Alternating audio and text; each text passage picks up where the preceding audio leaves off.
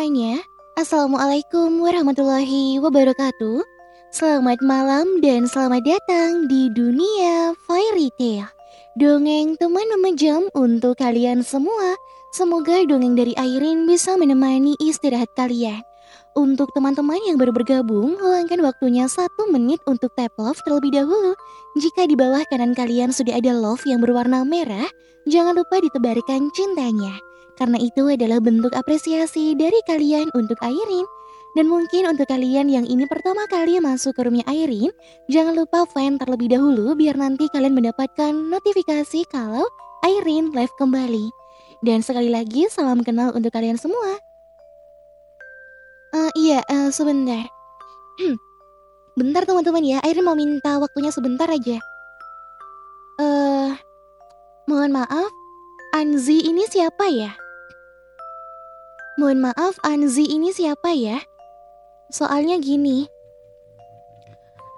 Uh, yang memakai logo dua yang ada uh, garis kecilnya di atas itu adalah teman-teman sukarelawan yang mengisi konten di rumah kedua. Dan Airin tidak pernah melihat Anzi di uh, grup relawan ataupun di grup lain. Anzi siapa ya?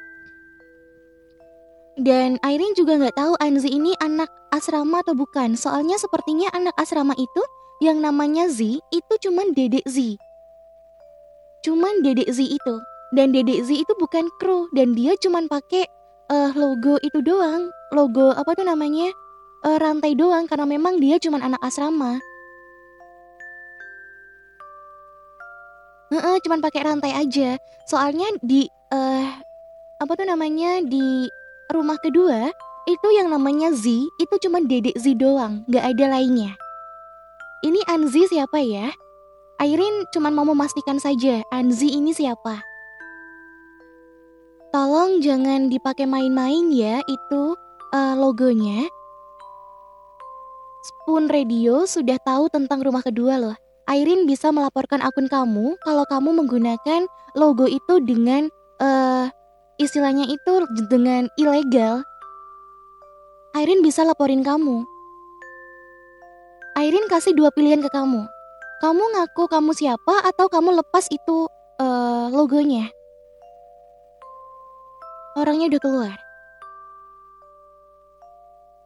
Soalnya itu logo nggak nggak main-main. Soalnya itu uh, memegang amanat dari teman-teman yang di Spoon. Jadi anak-anak dengan uh, apa tuh namanya? Anak-anak dengan akun dua apa logo dua yang ada di depan itu. Ya logo dua yang ada di depan itu mereka itu menanggung uh, amanah atau menanggung uh, donasi-donasi dari teman-teman di Spoon gitu. Jadi takutnya takutnya uh, dipergunakan dengan uh, tidak baik gitu. Soalnya kita bener-bener kayak lagi menjaga nama baik dari logo ini gitu. Karena kemarin Airin juga sudah sempat menghubungi Mimin untuk uh, gerakan kami yang ada di Spoon. Oke, teman-teman, uh, yuk tap love dulu yuk. Masa uh, cuman top 9, yuk dinaikin lagi ya ranknya. Oke, uh, untuk hari ini Airin akan meneruskan uh, cerita rakyat yang Airin bikin kemarin jadi kayak hmm, kemarin kan uh, waktu tanggal 16 itu Airin membuat sebuah kayak gebrakan gitu tentang live dongeng 34 provinsi. Nah, untuk tanggal 16 kemarin Airin sudah membawakan 10 dongeng. Tanggal 17 Airin sudah membawakan sekitar 17 dongeng dan sekarang sisanya Airin bacakan sekarang. Nah, jadi untuk hari ini Airin akan meneruskan cerita yang kemarin teman-teman yaitu tentang 34 provinsi. Uh, tolong MG untuk provinsi yang sudah dibacakan, tolong listnya.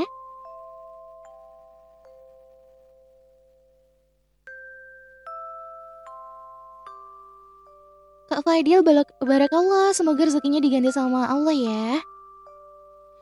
Oke, dari dua hari kemarin, Airin sudah membacakan uh, daerah Aceh, Sumatera Utara, Sumatera Barat, terus Riau, Kepulauan Riau, Jambi, Bengkulu, Sumatera Selatan, Kepulauan Bangka, Lampung, Banten, Jawa Barat, Jakarta, Jawa Tengah, Yogyakarta, Jatim, Bali, NTB, NTT, Kalimantan Selatan, Kalimantan Barat, Kalimantan Tengah, Kalimantan Timur, Kalimantan Utara, Gorontalo, Sulawesi Barat, dan Sulawesi Selatan. Nah, itu adalah cerita-cerita yang sudah Airin bacakan teman-teman untuk cerita rakyatnya. Nah, untuk hari ini, uh, Airin akan melanjutkan untuk uh, yang belum Airin bacakan ya. Dan Airin minta tolong nih, minta tolong ke kalian untuk list yang sudah di sama para manajer. Itu berarti dongeng-dongeng yang sudah Airin bacakan. Nah, untuk dongeng yang belum Airin bacakan itu adalah dari daerah Sulawesi Tengah, Sulawesi Utara, Sulawesi uh, Tenggara, terus Kepulauan Maluku, Maluku Utara, daerah Papua dan Papua Barat. Nah, itu nanti cerita-cerita yang akan Airin bacakan hari ini. Jadi untuk daerah selain itu, kalian bisa mendengarkan di case Airin ya. Soalnya itu sudah Airin bacakan dua hari yang lalu. Jadi biar uh, gebrakan Airin ini selesai dalam tiga hari dengan dongeng 34 provinsi. Jadi tolong bantuannya teman-teman ya. jangan jangan membuat uh, eh, MG emosi kayak kemarin. Soalnya banyak yang diajak uh, dikasih tahu tapi ngeyel. Jadinya uh, tolong pengertiannya juga ya. Dan untuk requestan yang baru, kalian bisa request besok. Jadi besok Airin akan live seperti biasa dengan open requestan seperti biasanya, oke? Okay? Halo Dedek Peret. Halo Kak Erik. Oke, okay, halo Kak Kalimah. Oke teman-teman, seperti biasa Airin akan membacakan cerita sesuai dengan list yang sudah ada. Jadi Airin akan membacakan dari list pertama sampai list yang terakhir. Jadi uh, selain dari itu, tolong jangan ditanyakan lagi ya. Nanti kalian bisa uh, baca typingan dari para manajer untuk menjelaskan tentang cerita-cerita yang sudah dibaca oleh Airin selama tiga hari berturut-turut ini.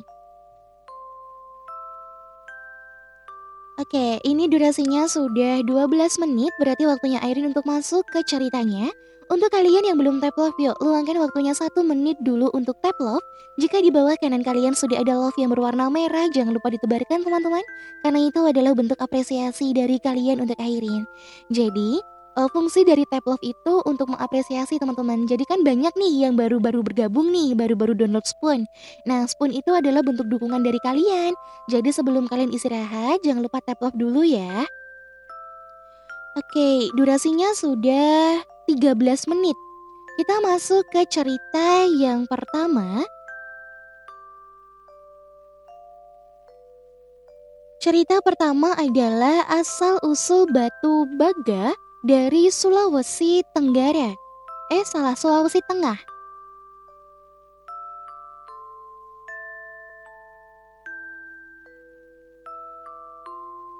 Asal-usul batu baga.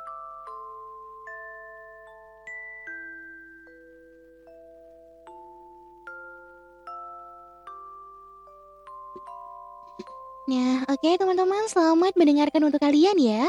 Dan selamat beristirahat. Seperti biasa, setelah Airin masuk ke ceritanya, untuk semua kendali room akan Airin uh, serahkan kepada para manajer. Jadi kalau kalian mau bertanya atau selain uh, selain itu atau apa pun itu, kalian bisa langsung bertanya kepada kakak-kakak yang ada simbol manajernya ya. Jadi selamat mendengarkan untuk kalian dan selamat beristirahat teman-teman.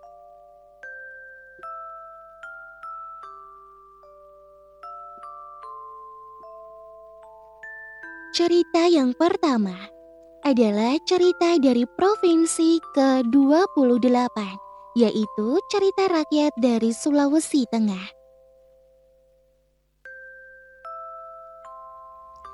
Asal muasal batu bagah. Pada suatu hari, hiduplah seorang anak laki-laki. Impala.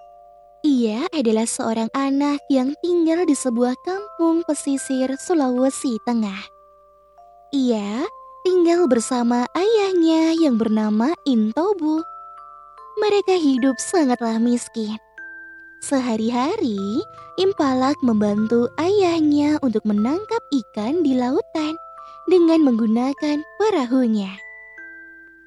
Intobu selalu mengajarkan Impalak untuk bekerja keras dan pantang menyerah. Saat mereka mencari ikan, terkadang cuaca buruk menghadang mereka. Tetapi Intobu mengajarkan Impalak agar tidak mudah menyerah. Kondisi kehidupan mereka yang sangat miskin itu membuat Impalak sangat jenuh dan timbul keinginannya untuk merantau.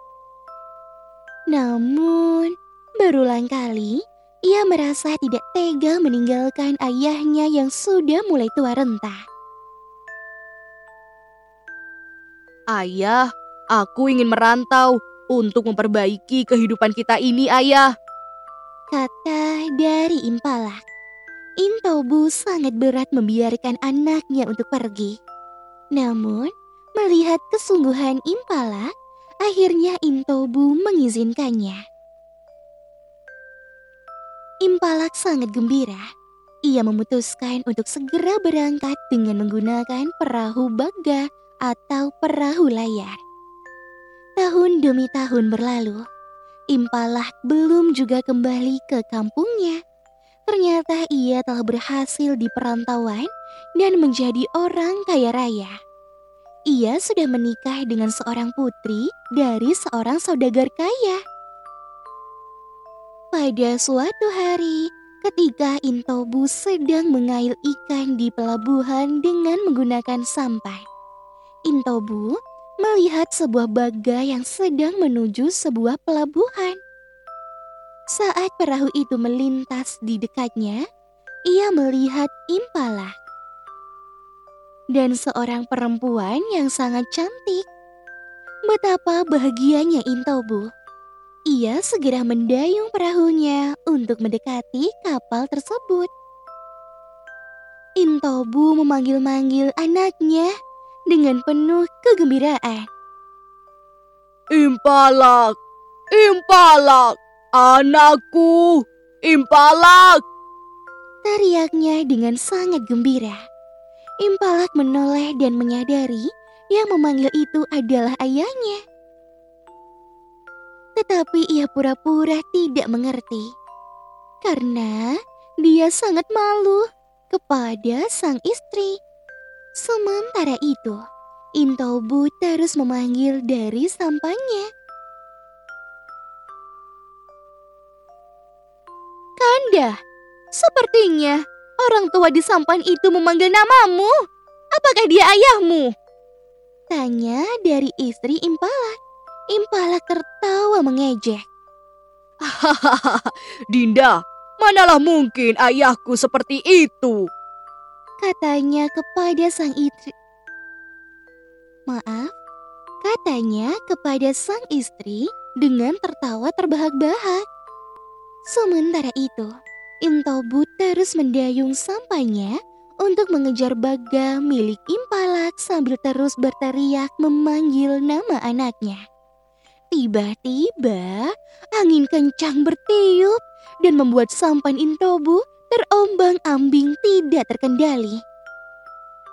Impalak, tolong aku nak! Impalak, tolong aku! Teriak dari Intobu meminta tolong ketika sampahnya tidak terkendali.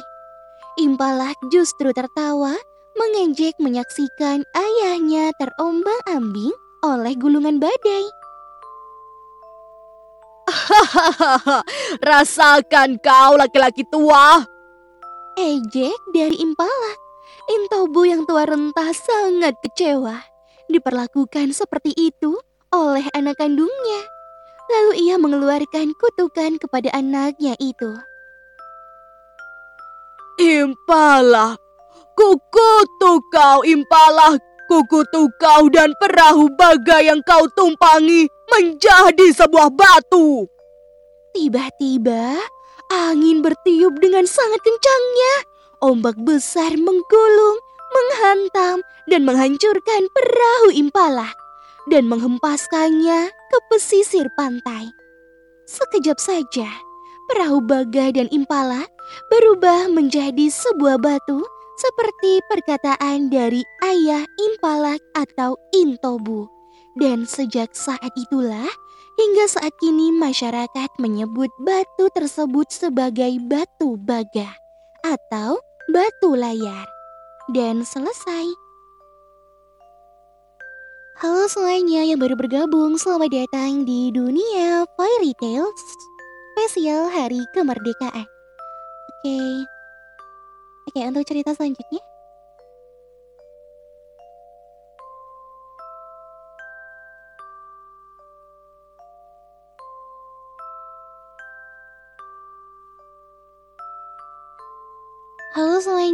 Baru bergabung, selamat datang ya. Dan untuk kalian yang belum tap love, yuk luangkan waktunya satu menit untuk tap love terlebih dahulu. Jika di bawah kanan kalian sudah ada love yang berwarna merah, jangan lupa ditebarkan teman-teman. Karena itu adalah bentuk apresiasi dari kalian untuk Airin. Oke, Kak Fadil, barakallah, terima kasih ya. Semoga rezekinya diganti sama Allah. Oke, untuk cerita selanjutnya adalah cerita dari Terima kasih Alfa. Alfa juga jaga kesehatan ya.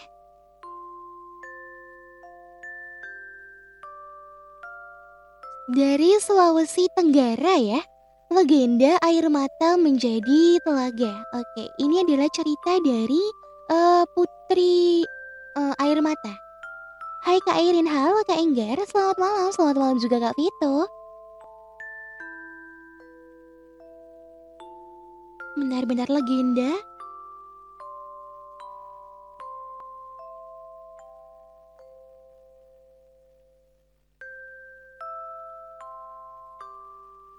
legenda air mata menjadi telaga.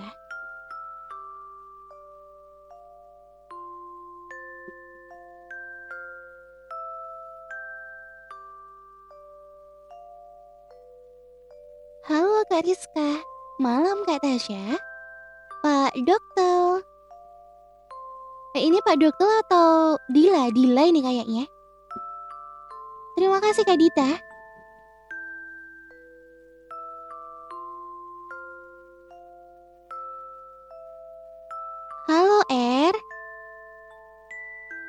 Oke, kisah telaga terjadinya. Hmm, eh salah salah. Apa tadi telaga? Dila ke mana? Lah, oh ini bukan Dila. Aku kirain Dila. Aku nggak tahu Pak Dokter. Dila belum masuk. Suara cowok itu rekaman apa live kak? Suara live Airin. Pak Dokter nanyain Dila di sini ya. Terima kasih Kak Dimas, Kak Dimas juga sehat selalu ya. Oke sebentar, kok uh, belum ketemu ya? Sulawesi Tenggara.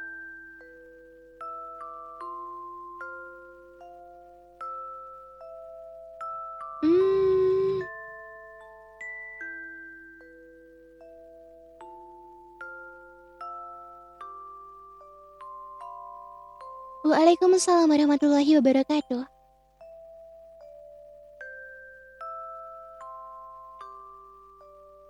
Itu semuanya suara Kak Airin. Iya, suaranya Airin. Jangan-jangan dia parkun di sini juga tap, tapi pakai akunku. Gak tahu, gak tahu. Iya, jangan-jangan gitu ya. Hadir tuh Kak Juli. Bentar teman-teman, Airin masih nyari ini nih kok belum ketemu.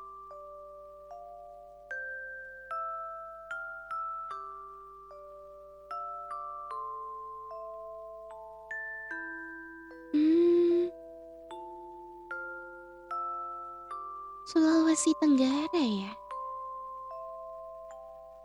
Rasanya kemarin sudah airin list. Bentar ya guys, Sulawesi Tenggara.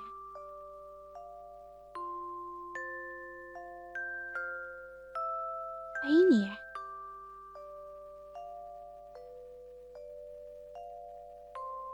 Kok nggak ada?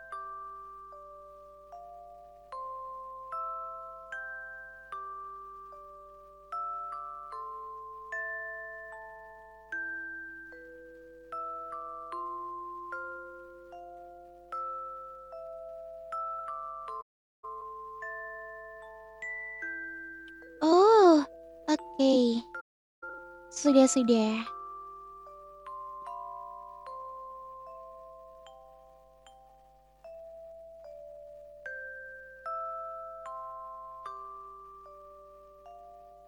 Wah, panjang sekali ya.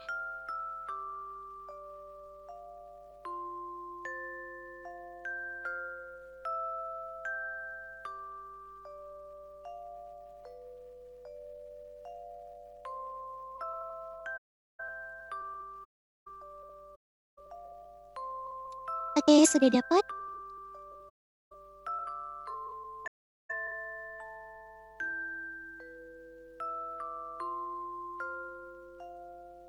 Apa sih?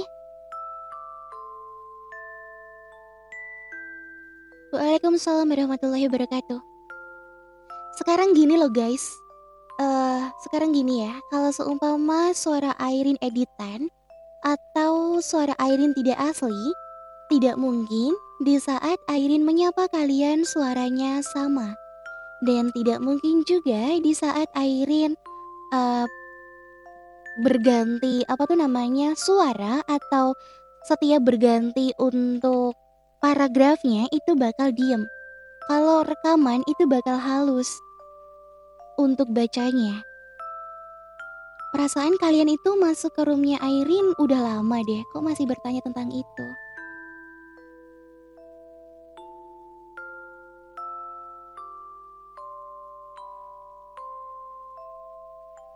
Oke.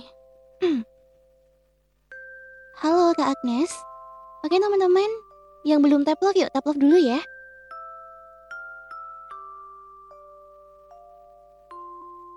Kita masuk ke cerita yang hari ketiga teman-teman. Ini tuh hari ketiga, sudah hari ketiga. Dan ini adalah provinsi ke-28 ya. Bener ya? Oke, berarti kita lanjutkan teman-teman. Selamat mendengarkan untuk kalian dan selamat beristirahat. Ya tapi bentar deh. Ah, itu udah nggak bisa digeser ke bawah ya? Oh bisa ding. Bentar ya guys.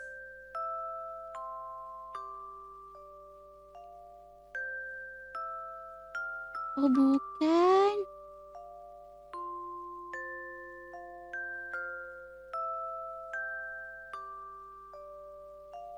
Hmm.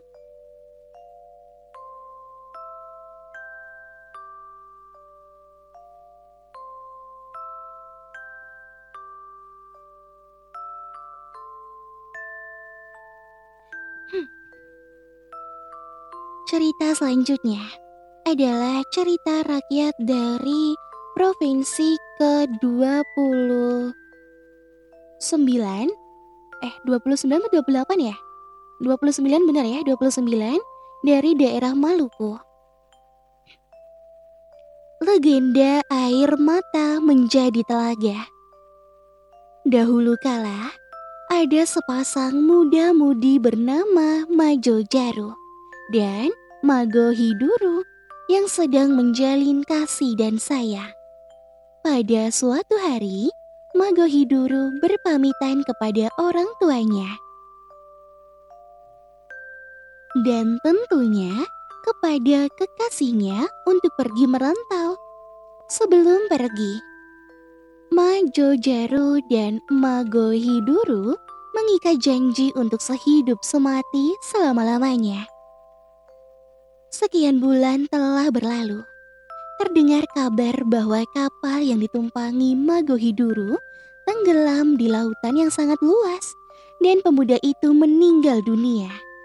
Kabar ini membuat hati Majo Jaru sangatlah hancur Dengan perasaan yang sangat sedih, gadis itu pergi dari rumah untuk menenangkan dirinya.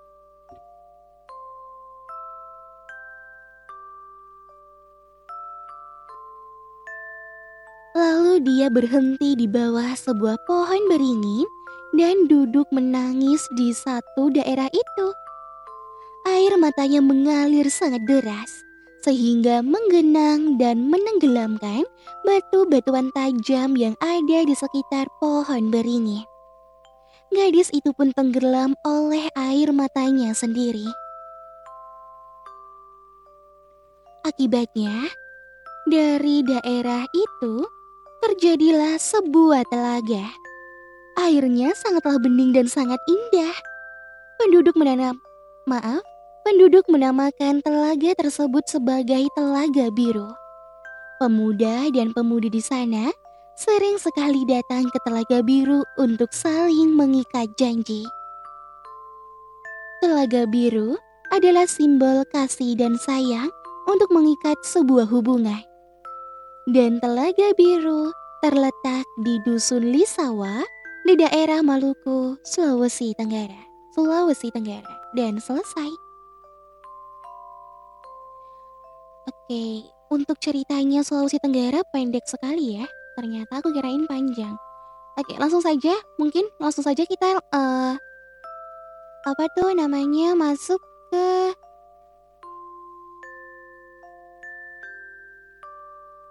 cerita selanjutnya. Airin sesuai baca ini Kak Cepi. Airin sesuai baca ini soalnya ini di keterangannya begini. Cerita rakyat dari daerah Maluku dan dongeng anak terkenal di daerah Sulawesi Tenggara. Orang-orang masyarakat daerah Maluku yang memiliki cerita rakyat sama dengan daerah Sulawesi Tenggara memiliki cerita yang sama mengenai Telaga Biru atau Telaga dari Air Mata Sang Putri. Cerita ini menjadi salah satu cerita turun-temurun yang ada di daerah Maluku, Sulawesi Tenggara dengan kepercayaan masing-masing di daerah Maluku dan Sulawesi Tenggara. Gitu. Oke, cerita selanjutnya. Apa tadi Bang cerita selanjutnya? Airin tahu itu daerah mana, cuman ini Airin sesuai dengan cerita rakyat yang turun-temurun ini.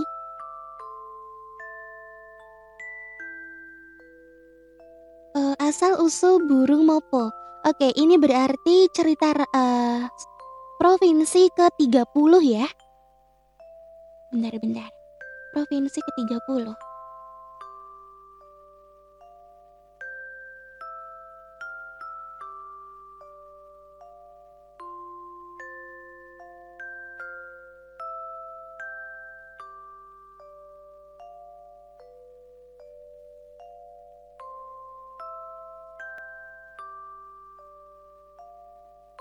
Asal-usul burung mopo.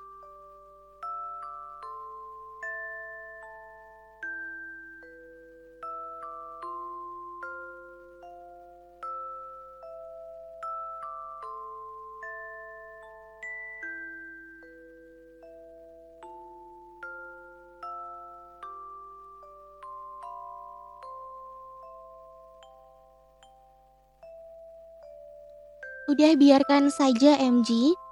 Biarkan saja ya, biarkan saja nggak usah di nggak usah di apa tuh namanya nggak usah di kick nggak usah digubris soalnya menurut Airin typingan kalian sudah cukup jelas kok dan penjelasan Airin sudah cukup jelas jadi sudah biarkan oke okay? kita fokus aja ke dongengnya ya para kakak-kakak MG oke cerita selanjutnya adalah Cerita dari asal mula burung mopo. Selamat mendengarkan untuk kalian dan selamat beristirahat teman-teman.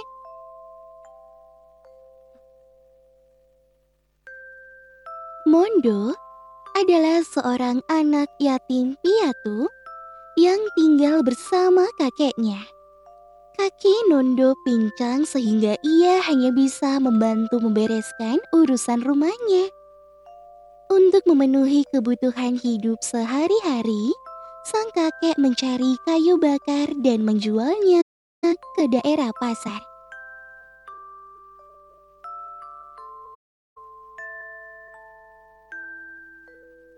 Nondo ingin sekali melihat keindahan dan keunikan hewan-hewan di hutan yang sering diceritakan kakeknya saat makan malam. Ia sering menirukan gerak dan suara burung-burung sesuai dengan cerita sang kakek. Eh, kakek, aku ingin melihat burung-burung yang kakek ceritakan itu. Pinta dari Nondo ke kakeknya. Baiklah, kamu boleh ikut, Nak. Kakek mengizinkan Nondo untuk ikut ke hutan. Berangkatlah mereka ke sebuah hutan. Nondo yang jalannya pincang sering tertinggal oleh kakeknya karena keasikan bercanda dengan binatang hutan yang baru kali itu ditemuinya secara langsung. Hari sudah mulai sore. Sadarlah Nondo bahwa kakek sudah tidak ada. Nondo berteriak dan mencari kakeknya. Ia justru semakin masuk ke dalam hutan dan dia tersesat di sana. Kakek, kakek, kakek di mana, kek? kakek, aku sangat ketakutan di sini. Teriak dari Nondo ketakutan. Malam sudah datang. Nondo sering mendengar suara burung-burung malam yang sangat menakutkan. Sementara itu, kakek yang menyadari bahwa Nondo hilang segera mencarinya. Mengira bahwa Nondo sudah pulang, ia tidak mendapati cucunya itu. Kakek sangat menyesal karena memperoleh Nondo ikut ke dalam hutan. Lalu, dia mendengar suara-suara Mopo. Mopo. Iya, suara itu terus terdengar. Kakek mencari sumber suara itu. Ternyata itu adalah suara burung yang berkaki pincang. Awalnya, kakek kebingungan. Lama-kelamaan kakek paham. Burung itu ternyata bersuara opoku, yang berarti kakekku. Kakek sangat sedih. Ia sangat yakin bahwa cucu semata wayangnya itu sudah berubah menjadi seekor burung. Sesuai dengan suara yang dikeluarkan oleh burung tersebut, orang-orang menyebut burung itu sebagai burung mopo. Dan burung mopo dapat ditemukan di daerah Minahasa, Sulawesi Utara. Dan selesai.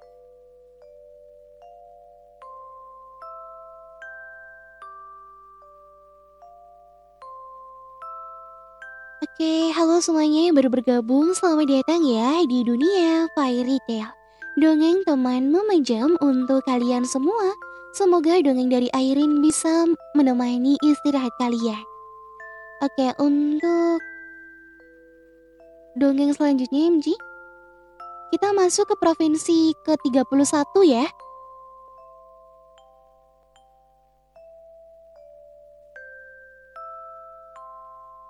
Teman-teman yang belum tap love yuk, tap love dulu yuk. Luangkan waktunya satu menit ya.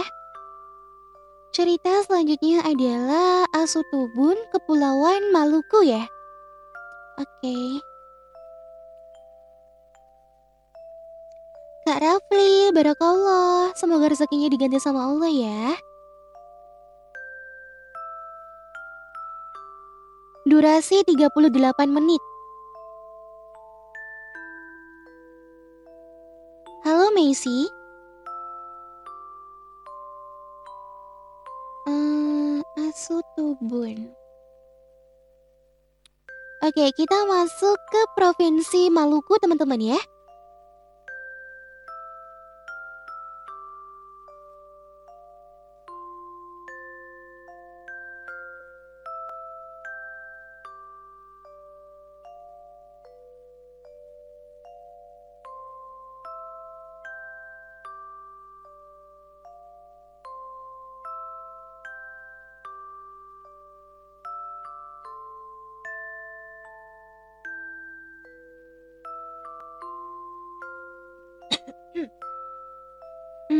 Bentar-bentar.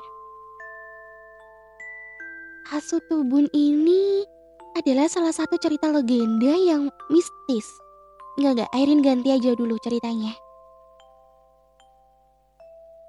Terima kasih Kak Ayar. Tadi dari daerah mana tadi Asutubun? Dari daerah Kepulauan Maluku ya? Bentar-bentar, ini Airin, Airin ganti dulu.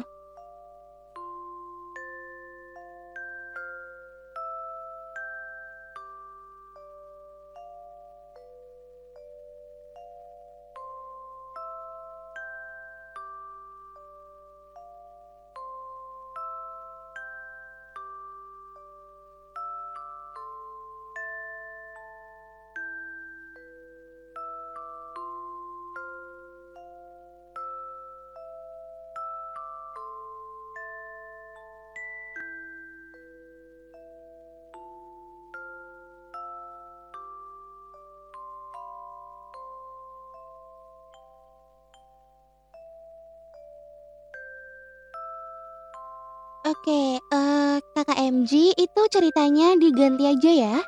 Ceritanya diganti batu berdaun. Itu sama-sama dari eh sama-sama dari daerah Kepulauan Maluku.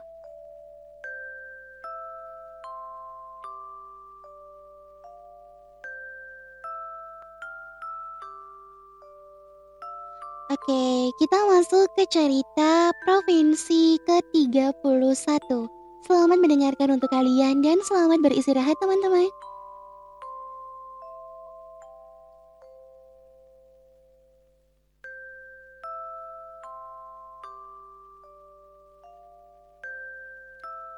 Asal-usul batu berdaun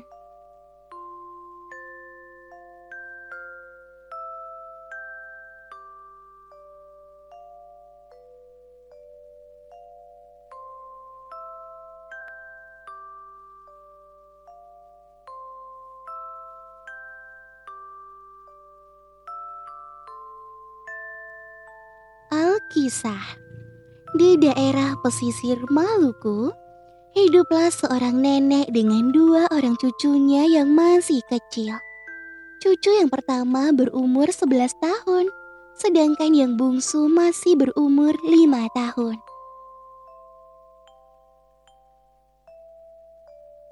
Kedua anak itu yatim piatu karena orang tua mereka telah meninggal dunia ketika mencari ikan di lautan. Kini kedua anak itu berada dalam asuhan sang nenek. Untuk memenuhi kebutuhan hidup sang nenek, sang nenek bekerja mengumpulkan hasil hutan dan mencari ikan di sebuah pantai. Hasilnya tidak pernah cukup untuk mereka makan. Untunglah, para tetangga sering berbaik hati memberikan makanan kepada sang nenek untuk dimakan bersama kedua cucunya. Suatu hari, air laut terlihat sangat surut. Ombaknya pun tampak sangat tenang. Kondisi seperti ini biasanya menjadi pertanda bahwa banyak kepiting yang terdampar di sekitar pantai itu. Si nenek pun mengajak kedua cucunya ke sebuah pantai untuk menangkap kepiting. Cucuku, mari kita ke pantai mencari kepiting, nak. Ajak dari sang nenek. Alangkah senangnya hati kedua anak itu, terutama si bungsu yang sedang berlari-lari untuk pergi ke tempat sang nenek. Wah, hore! Yeay, aku sangat senang sekali, Nenek. Riang dari si bungsu. Setibanya di pantai, mereka pun mulai memasang beberapa bubu di sana.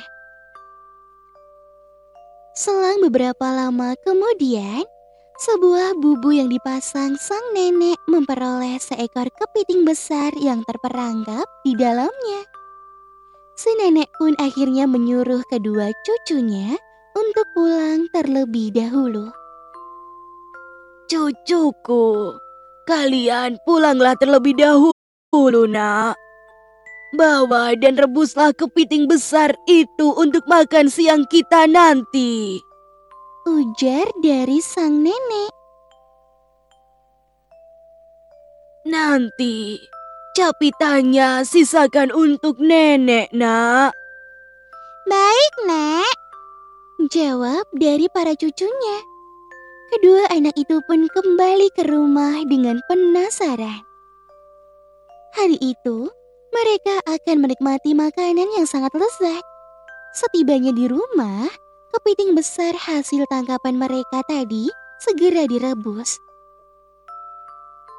Kepiting besar hasil tangkapan mereka segera dimasak dan kepiting itu mereka makan bersama ubi rebus. Mereka makan dengan lahap sekali. Sesuai perintah sang nenek, Kedua anak itu menyisakan capit kepitingnya. Usai makan, kedua anak itu pergi bermain hingga hari menjelang siang. Saat mereka pulang ke rumah mereka, nenek mereka ternyata belum juga kembali dari pantai. Sementara itu si bungsu yang baru sampai di rumah tiba-tiba merasa sangat lapar kembali. Hmm, kakak, aku sangat lapar sekali. Aku mau makan lagi. Rengek dari si bungsu kepada kakaknya. Bukankah tadi kamu sudah makan? Kenapa minta makan lagi? Tanya dari sang kakak. Eh, aku, aku lapar lagi. Aku mau makan capit kepiting. Si bungsu kembali merengek. Eh, jangan. Eh, capit kepiting itu untuk nenek. Cegah dari si kakak. Meskipun sang kakak sudah berkali-kali menasehatinya, si bungsu tetap saja merengek. Karena iba, sang kakek terpaksa mengambil sepotong capit kepiting itu. Si bungsu akhirnya berhenti merengek.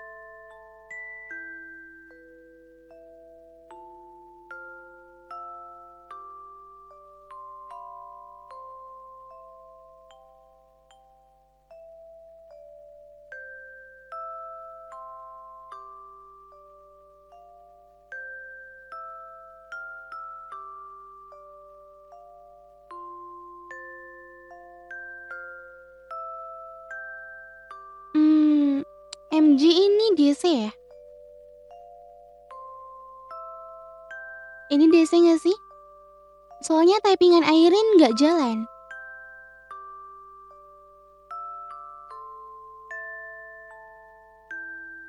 Oke ya sudah kalau gitu. Bentar. Kita lanjutkan ya.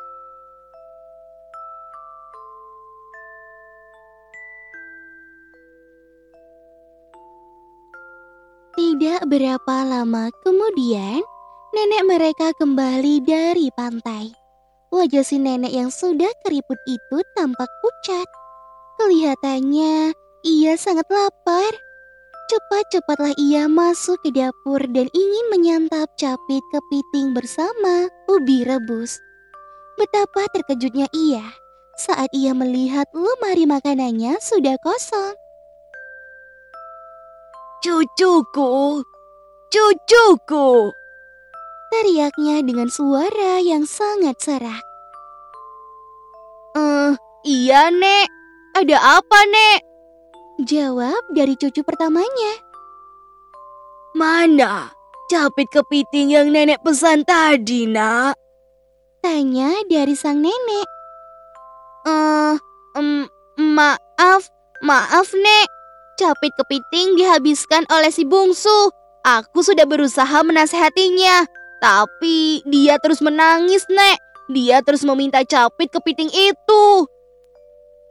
Betapa kecewanya hati sang nenek mendengar jawaban tersebut. Ia benar-benar sangat marah karena kedua cucunya tidak menghiraukan semua pesannya. Tanpa berkata apa-apa lagi, si nenek pergi meninggalkan rumah itu. Dengan perasaan yang sangat sedih, ia berjalan menuju ke sebuah bukit.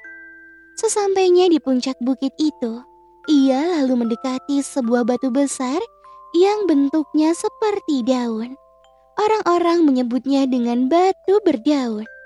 Di hadapan batu itu, si nenek duduk bersimpuh sambil meneteskan air mata.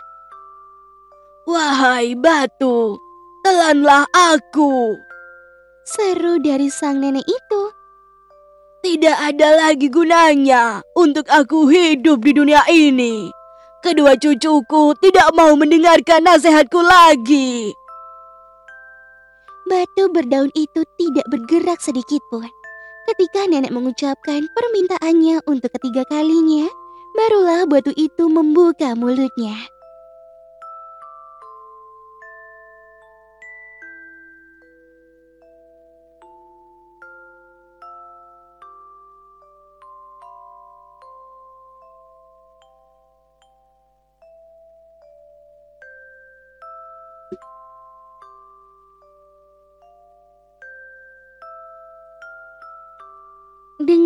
Sekali sedot saja, si nenek itu langsung tertarik masuk ke dalam perut batu itu. Setelah si nenek tertelan, mulut batu itu mengatup kembali. Dan sejak saat itulah, si nenek tinggal di dalam perut batu itu dan tidak pernah keluar lagi. Sementara itu, kedua cucunya dengan gelisah mencari nenek mereka.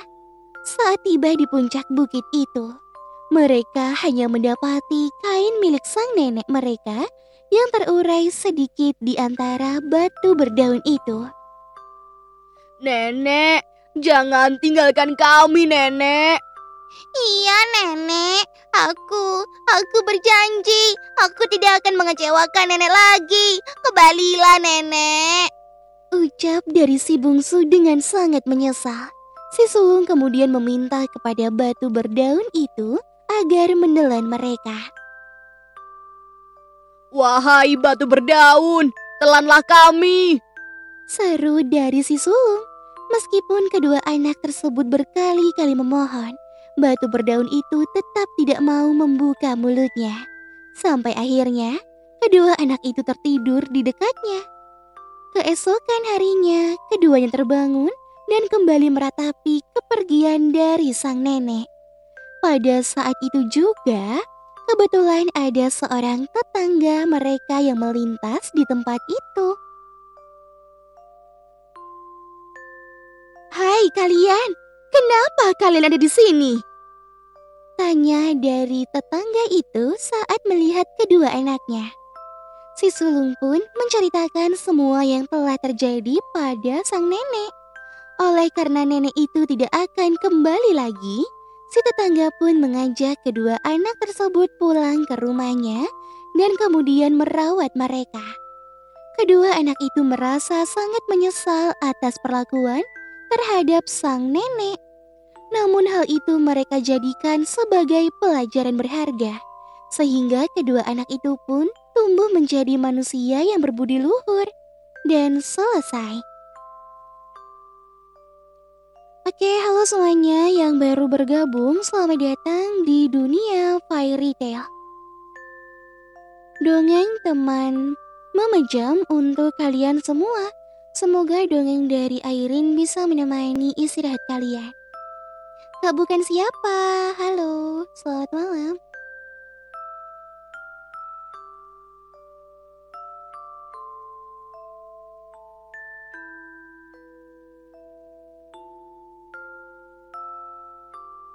Makom. Eh bentar deh, ini seriusan deh. Ini nggak jalan loh itinya Airin bentar-bentar. Nah, eh, kalian typing lagi deh. Coba kalian typing lagi. Coba kalian typing lagi. Oke. Oke, sudah. Iya, tadi Airin ganti jaringan.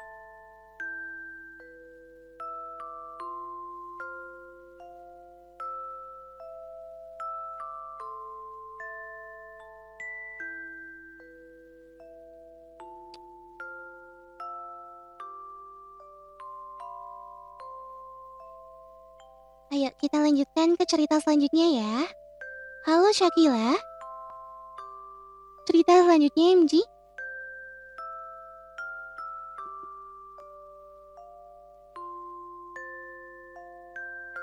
Oke, kita masuk. Halo Kak Indra. Halo Kak Fadil. Kita masuk ke cerita rakyat yang ke-32. Ke-32 yaitu leluhur empat sultan dari Maluku Utara.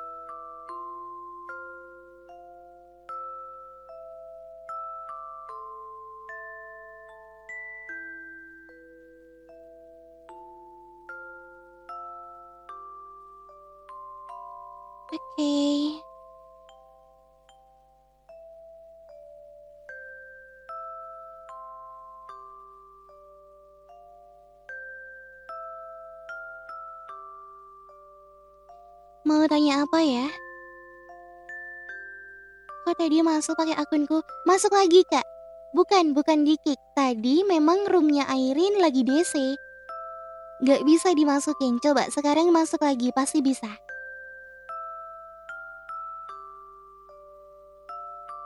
Durasinya masih satu jam, masih lama. Oke, kita lanjutkan. Iya, eh. Tadi jaringan airin tidak stabil. Coba dia masuk lagi, pasti udah bisa kok. Teman-teman yang belum tap love, yuk tap love dulu yuk. Wah, masih banyak banget nih yang belum tap love. Ayo tap love dulu ya.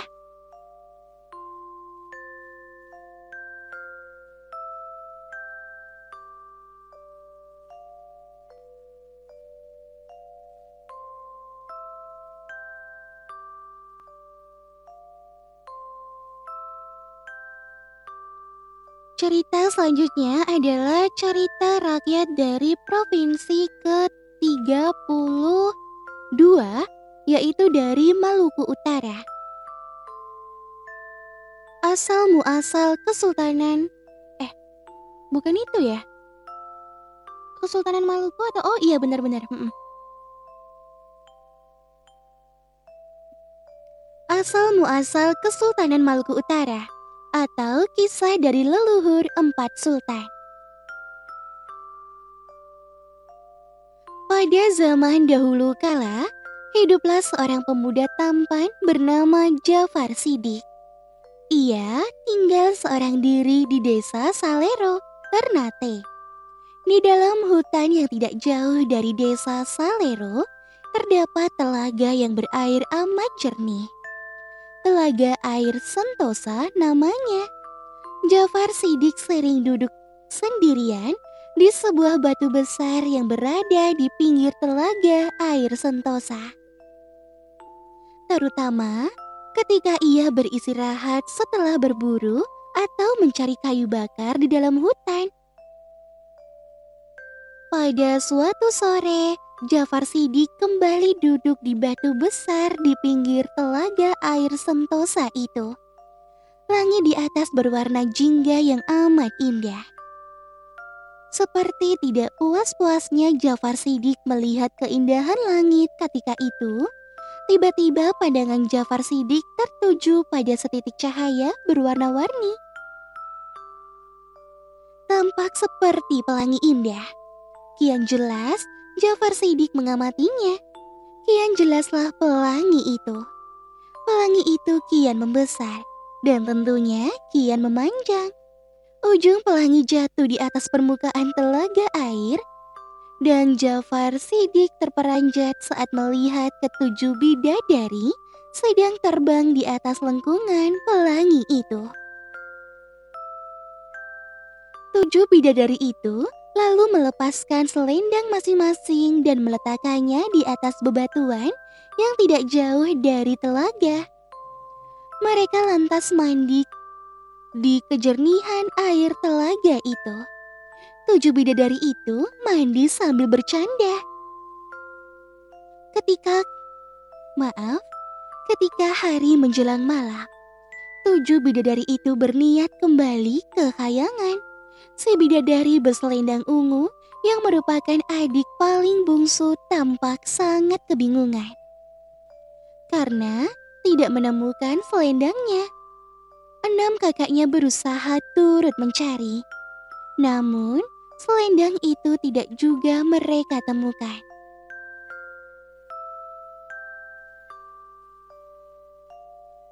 Si bidadari bungsu hanya bisa bersedih hati meratapi nasib malangnya itu. Air matanya bercucuran ketika dia melihat enam kakaknya terbang kembali ke kayangan. Ketika si bidadari bungsu tengah meratapi nasibnya itu, Jafar Sidik keluar dari persembunyiannya dan menghampirinya. Eh, maaf adik, siapakah engkau ini? Mengapa engkau berada di telaga ini sendirian?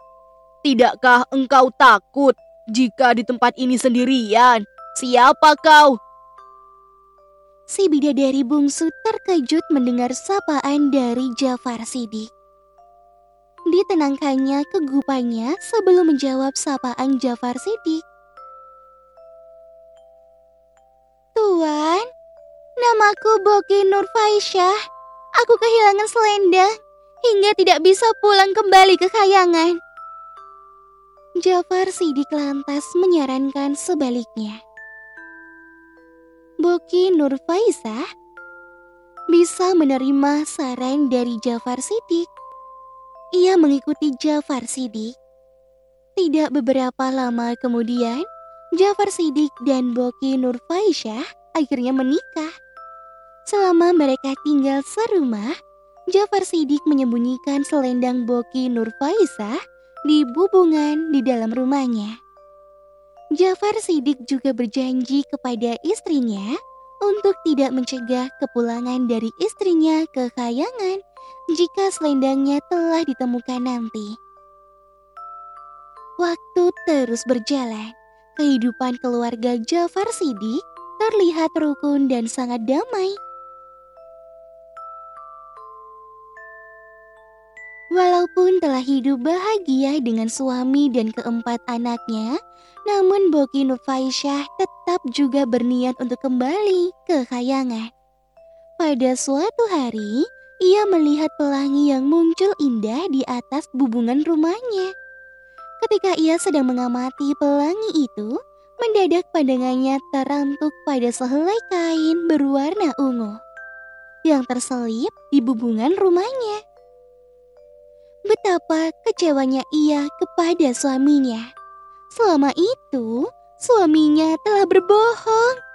Kekecewaan yang dirasakannya berubah menjadi kemarahan. Boki Nur Faisyah lantas mengenakan selendangnya dan tubuhnya melayang-layang. Terbanglah ia kembali ke negeri kayangan. Empat anaknya hanya bisa menatap kepulangan dari ibu mereka yang ingin maaf. Empat anaknya hanya bisa menatap kepulangan ibu mereka itu dengan tangis sedih mereka. Semakin jauh tubuh ibu mereka, semakin keras tangisan empat anak itu.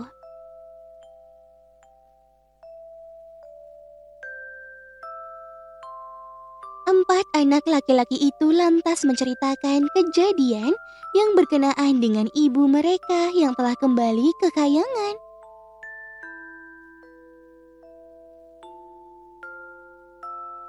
Jafar Sidik sangatlah sedih. Sungguh, ingin ia terus bersamanya dengan istri yang merawat empat anak laki-laki mereka. Semua harapan dan keinginannya telah musnah menguap bagaikan air embun yang terkena panasnya sinar dan matahari. Jafar Sidik sendirian, ia mengasuh, merawat, dan mendidik empat anak laki-lakinya sendirian. Keempat anak itu tumbuh menjadi pemuda-pemuda yang baik peranggainya dan taat beragama.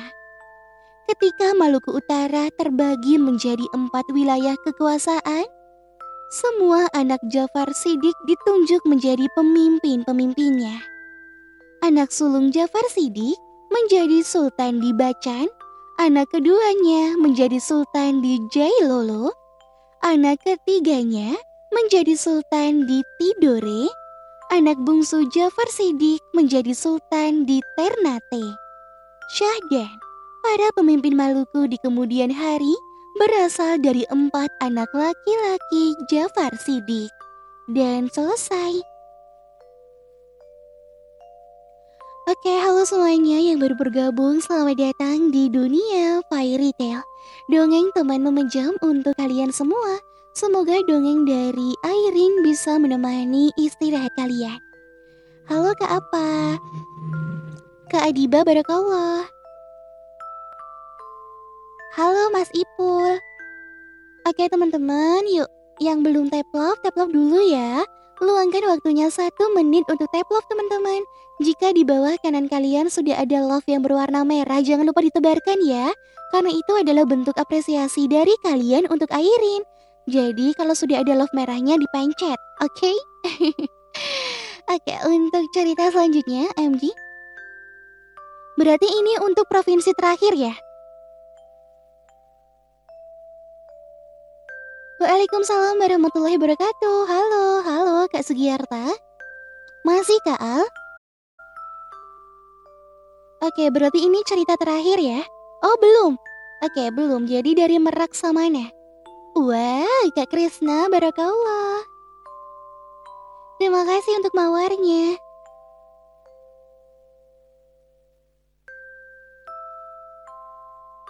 Oke, kalau begitu... Bentar, ini tadi kayaknya MG-nya salah menghitung ya? Oh, enggak, bener-bener. Iya, 33 di Papua Barat, terus... Uh, bentar, bentar. Airin kan belum bacain Meraksamana dan Tujuh Bidadari, kan?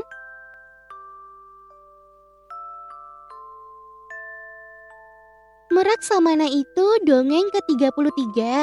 Terus yang uh, Telaga Wekaburi itu adalah dongeng ke-34. Wah, ini para wayang nge-gift dong. terima kasih, terima kasih ya, MG. Eh, MG nggak tuh? Terima kasih kakak-kakak uh, dari uh, wayang, barakallah. Nggak ada serem-serem, kak. Apanya?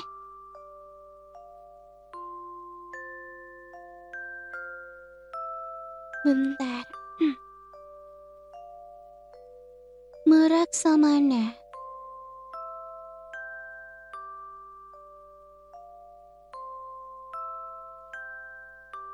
Oke, merak samana sudah.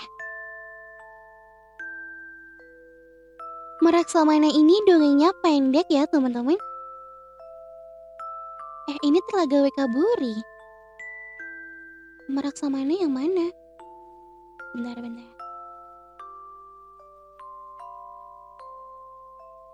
Ini dua cerita dari daerah Papua ba uh, Papua Barat eh uh, daerah Papua. Ini itu pendek-pendek teman-teman ceritanya. Karena memang yang sebelumnya sudah pernah Airin bacakan seperti Cendrawasih, terus uh, apa tuh namanya?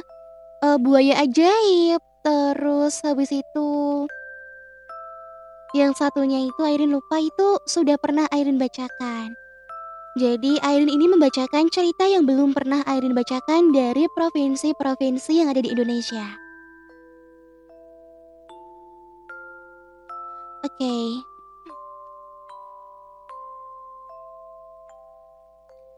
Kita lanjutkan ke cerita selanjutnya. Meraksamana dan tujuh bidadari. Dulu, di daerah Papua, ada dua kakak beradik yang bernama Meraksamana dan Siraiman. Pada suatu malam, Meraksamana bermimpi melihat sepuluh bidadari sedang mandi di telaga dekat tempat tinggalnya. Namun tiba-tiba dia terbangun. Ia pun lalu bergegas menuju telaga. Setibanya ia terkejut ketika mendapati sepuluh bidadari tengah mandi di sana ia melihatnya dengan mata kosong. Meraksamana bersembunyi di balik pohon dekat telaga. Tiba-tiba muncullah seorang perempuan tua dan perempuan itu menyuruhnya untuk mengambil sehelai pakaian milik salah satu bidadarinya.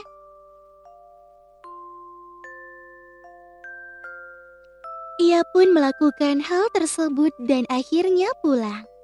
Selesai mandi, sepuluh bidadari bergegas menuju tempat penyimpanan pakaiannya.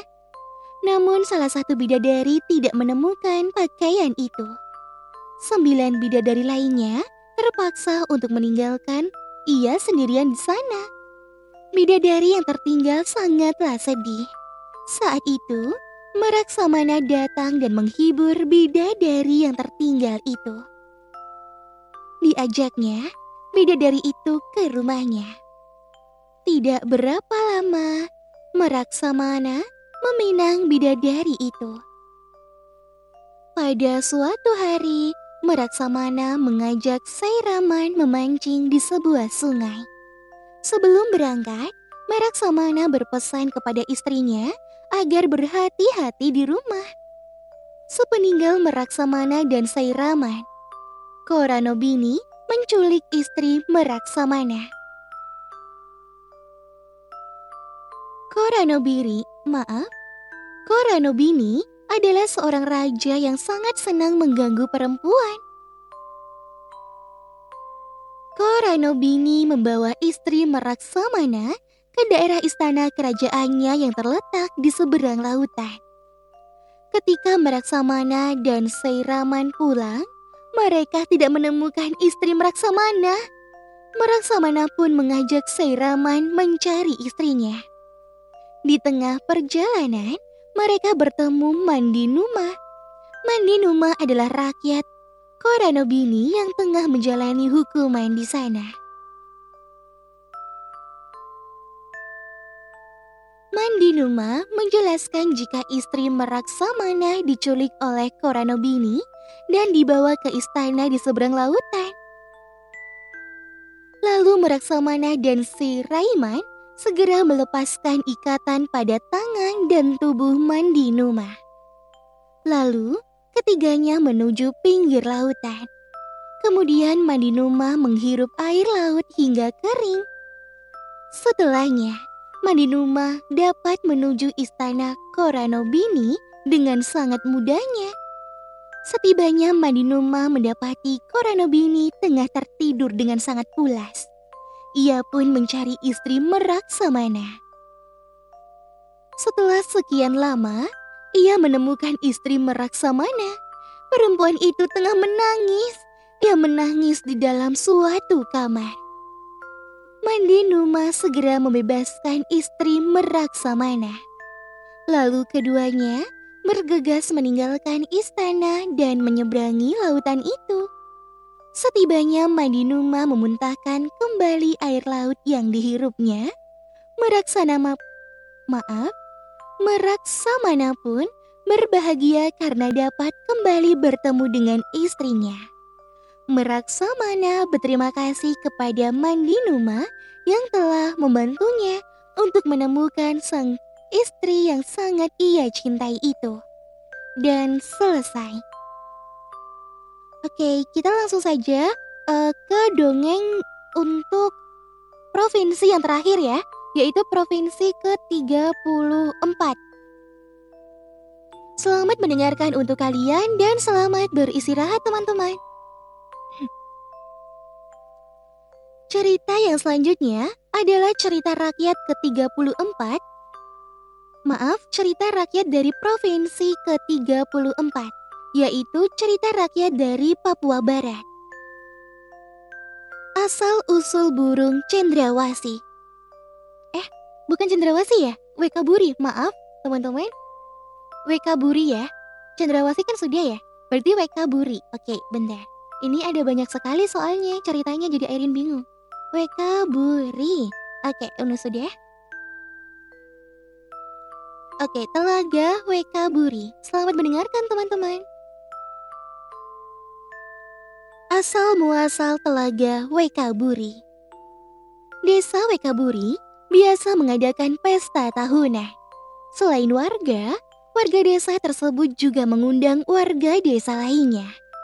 Di antara para tamu itu, ada seorang nenek yang datang bersama cucu perempuan dan kekasihnya, serta anjing peliharaan mereka. Anak perempuan tersebut bernama Isosi. Saat pesta sedang berlangsung, tanpa sengaja seorang penari menginjak ekor anjing milik si nenek. Anjing kecil itu segera menggonggong dengan sangat keras. Penari tersebut bukannya meminta maaf, namun justru menertawakan sang nenek dan anjing itu. Sang nenek pun sangatlah marah. Sang nenek segera membawa anjing itu ke dalam rumahnya. Anjing itu dibakaikan sebuah penutup kepala. Menurut adat, perbuatan ini bisa menimbulkan bencana alam. Selain itu, sang nenek dan rombongannya menuju Gunung Ainus Muwasa dan tidak lama kemudian turunlah hujan yang sangat deras disertai kilat yang menggelegar. Tidak lama kemudian, banjir besar melanda daerah itu. Banjir ini menenggelamkan desa tersebut. Kini, desa tersebut menjadi sebuah telaga yang kemudian dinamakan Telaga Wekaburi. Setelah banjir reda, si nenek dan rombongan turun dari gunung. Ia menikahkan Isosi dengan Asya. Mereka disuruh untuk menempati desa Wekaburi yang saat itu sudah tidak berpenghuni lagi. Seiring waktu, mereka mempunyai banyak keturunan sehingga desa tersebut menjadi sangat ramai. Dan sampai sekarang, Telaga Wekaburi bisa kita temui di daerah Papua Barat. Dan selesai.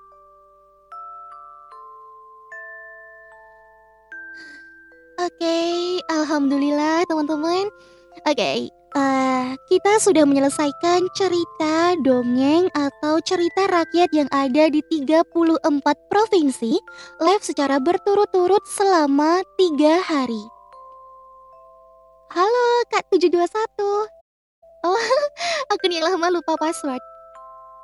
Oke, Alhamdulillah selama tiga hari berturut-turut Airin bisa membawakan cerita rakyat dari 34 provinsi yang ada di Indonesia. Dan semua cerita rakyatnya Airin pilihkan untuk cerita-cerita rakyat yang belum pernah kalian dengarkan. Dan terima kasih nih atas uh, partisipasi kalian untuk uh, dukungan kalian, untuk support kalian. Kalian uh, sudah membantu Airin untuk menyemarakan hari ulang tahun Republik Indonesia yang ke-75 dengan uh, live serempak di tiga akun, yaitu live dunia fairy tale atau dunia dongeng dengan konten 34 provinsi. Untuk teman-teman yang mau mendengarkan cerita dari 34 provinsi, kalian bisa uh, mampir di Cash Airin dan di Cash official rumah kedua. Di sana nanti akan ada 34 provinsi dan 34 uh, eh, cerita rakyat yang bisa kalian dengarkan. Semoga uh, Indonesia bisa cepat sehat, terus semoga di uh, Indonesia juga cepat pulih Semoga Indonesia semakin maju dan semoga orang-orangnya bisa semakin menghargai sesama, saling peduli dan semoga Indonesia semakin merdeka dan bisa diberikan kesehatan untuk semua warga Indonesia. Amin, amin, amin ya rabbal alamin.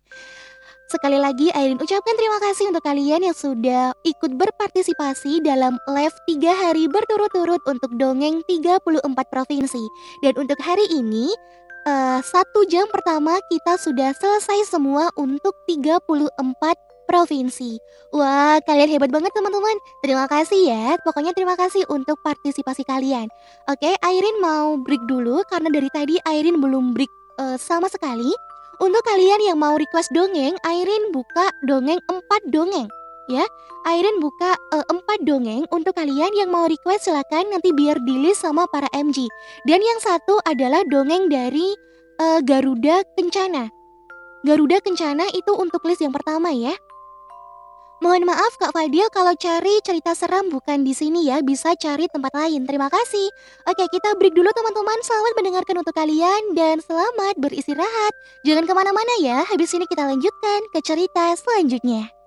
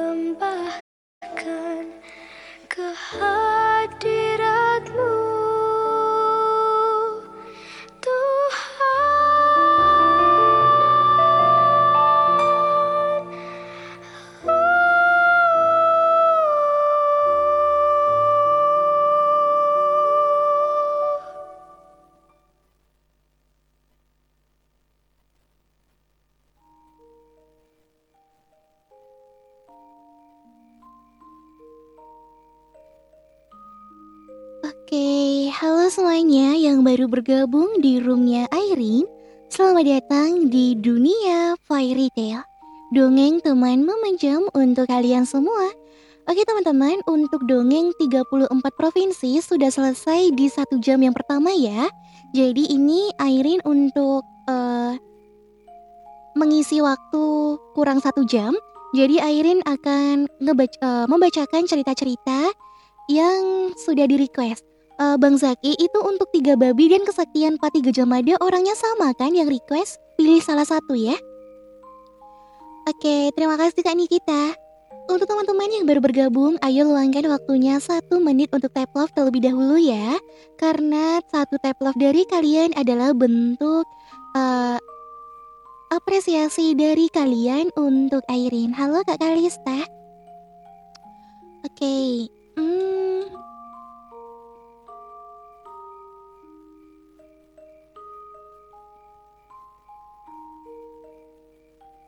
Kita lanjutkan ke cerita yang selanjutnya. Cerita selanjutnya adalah cerita dari daerah Bali, yaitu legenda Garuda Wisnu. Garuda Wisnu. Oke, sudah ada. Eh, hai Kak Haha, Kak Haha apa kabar? Wah udah lama ya kita nggak ketemu Kak Haha. Barakallah ya, semoga rezekinya diganti sama Allah Kak Haha. Oke, okay. uh, uh, Bang Zaki mending itu diambil yang kesaktian kebu Iwa aja deh.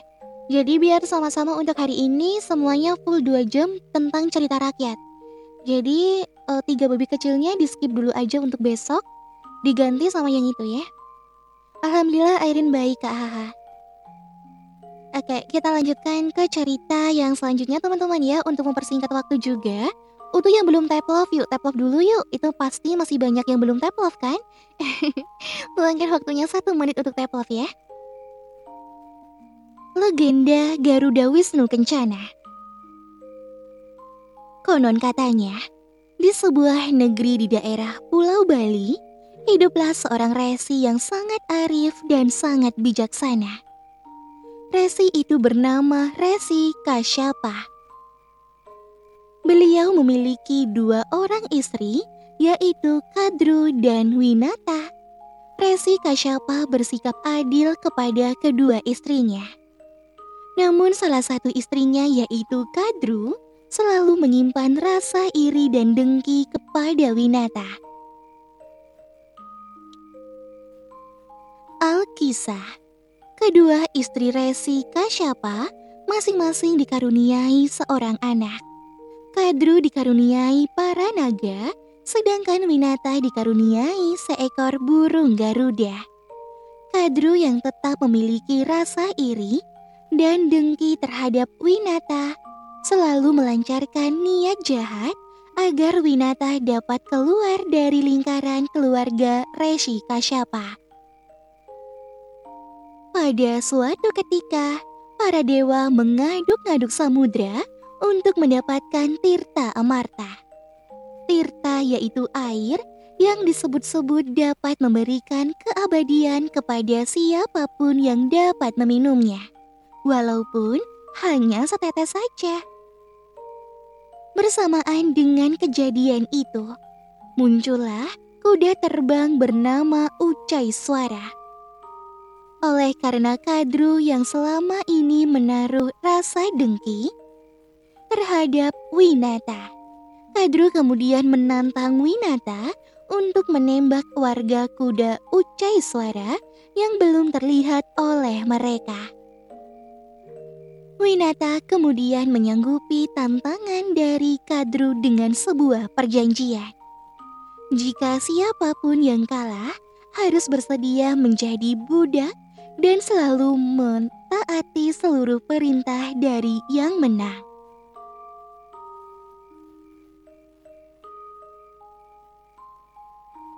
Kemudian Kadru menebak warna kuda itu berwarna hitam. Dan Winata menebak warna kuda itu berwarna putih. Sebelum kuda itu muncul, secara diam-diam Kadru menerima informasi dari anaknya, yaitu dari naga, bahwa kuda itu sebenarnya berwarna putih. Mengetahui bahwa dirinya akan kalah, maka Kadru berbuat licik untuk menyuruh anaknya untuk menyembur dengan racun tubuh kuda itu sehingga terlihat kehitaman. Dan benar saja, kuda yang dulunya putih kemudian menjadi hitam kelap. Setelah muncul dan dilihat oleh Kadru dan Winata, karena Winata merasa dirinya telah kalah telak maka ia bersedia untuk menjadi budak Kadru selama hidupnya. Garuda Wisnu Kencana menyadari kelicikan dari Kadru. Anak Winata, yaitu Sang Garuda, tidak tinggal diam.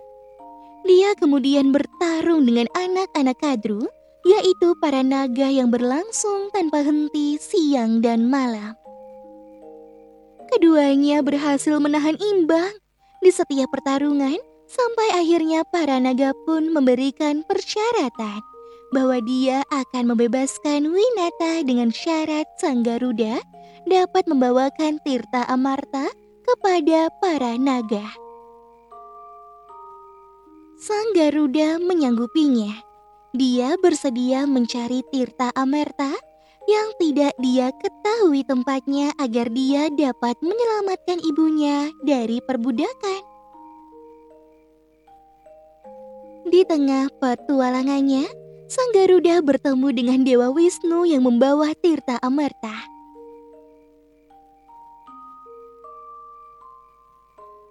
Garuda, Wis, maaf, Garuda kemudian meminta Tirta Amarta itu dan Dewa Wisnu menyerahkannya dengan syarat agar Garuda mau menjadi tunggangan dari Dewa Wisnu yang kemudian dikenal dengan nama Garuda Wisnu Kencana. Garuda kemudian mendapati Tirta Amerta dengan berwadahkan kemendalu dengan tali rumput ilalang. Ia memberikan Tirta tersebut kepada para naga. Namun sebelum para warga sempat meminumnya, tirta itu terlebih dahulu diambil oleh Dewa Indra yang kebetulan lewat di sana. Namun, tetesan tirta amerta itu masih tertinggal di tali rumput ilalang itu.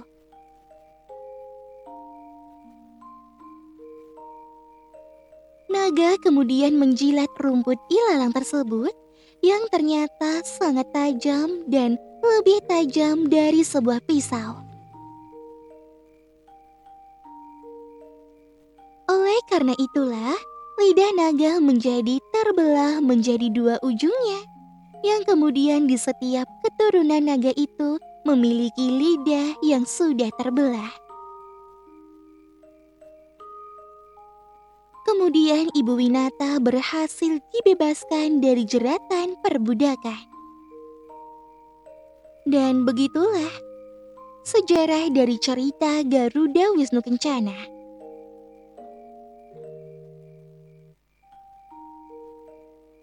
Negara Indonesia kemudian memilih burung Garuda sebagai lambang negara Indonesia karena melihat kegigihan burung Garuda dalam berbakti kepada ibunya agar ibunya dapat lolos dari perbudakan.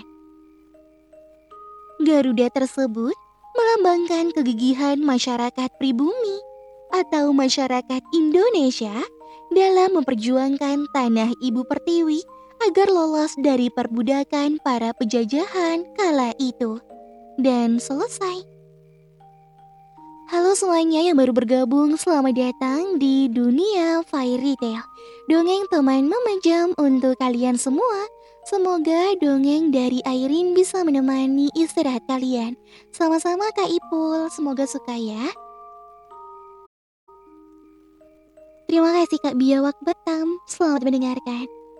Oke, untuk cerita selanjutnya adalah cerita dari Kebo Iwa. Berarti ini adalah sumpah Sumpah Palapa ya.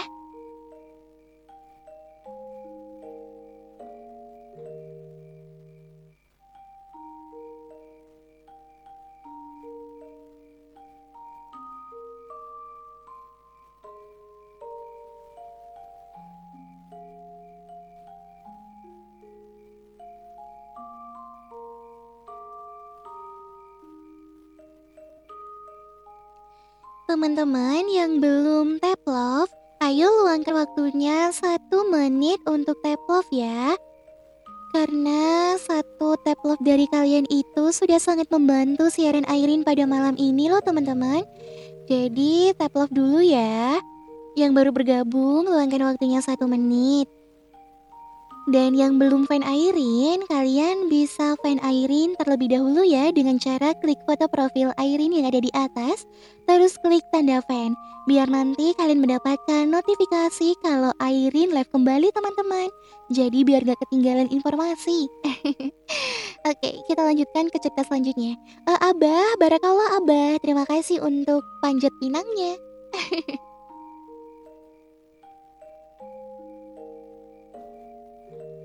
Oke. Hmm. Uh, Kak ganti suara nggak bikin sakit tenggorokan kah?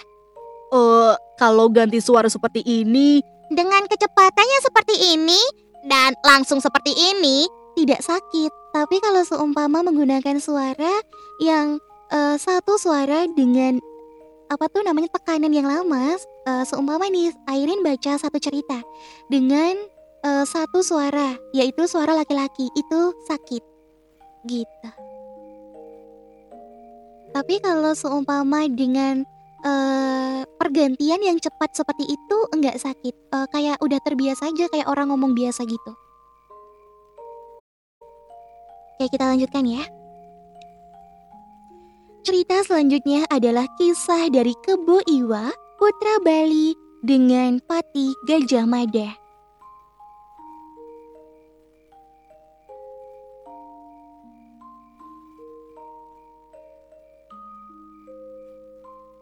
Pada suatu hari, seorang bayi laki-laki yang sangat montok telah lahir.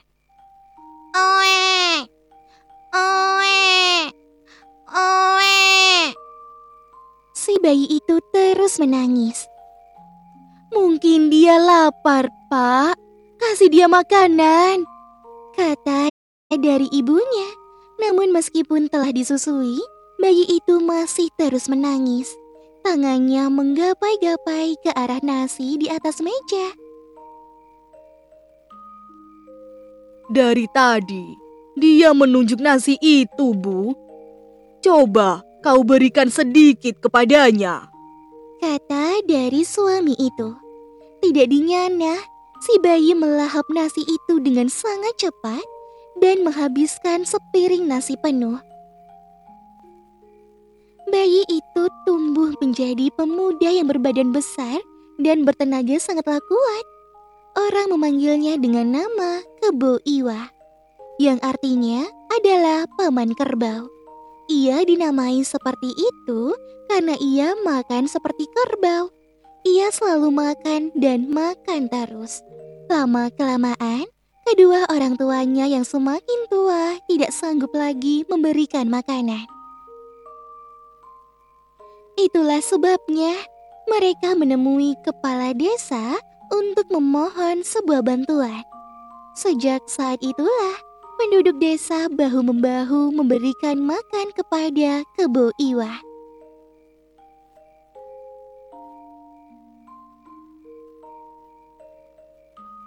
Dengan badannya yang sangat besar, ia tidak kesulitan mengalahkan siapa saja yang hendak mengganggu desanya.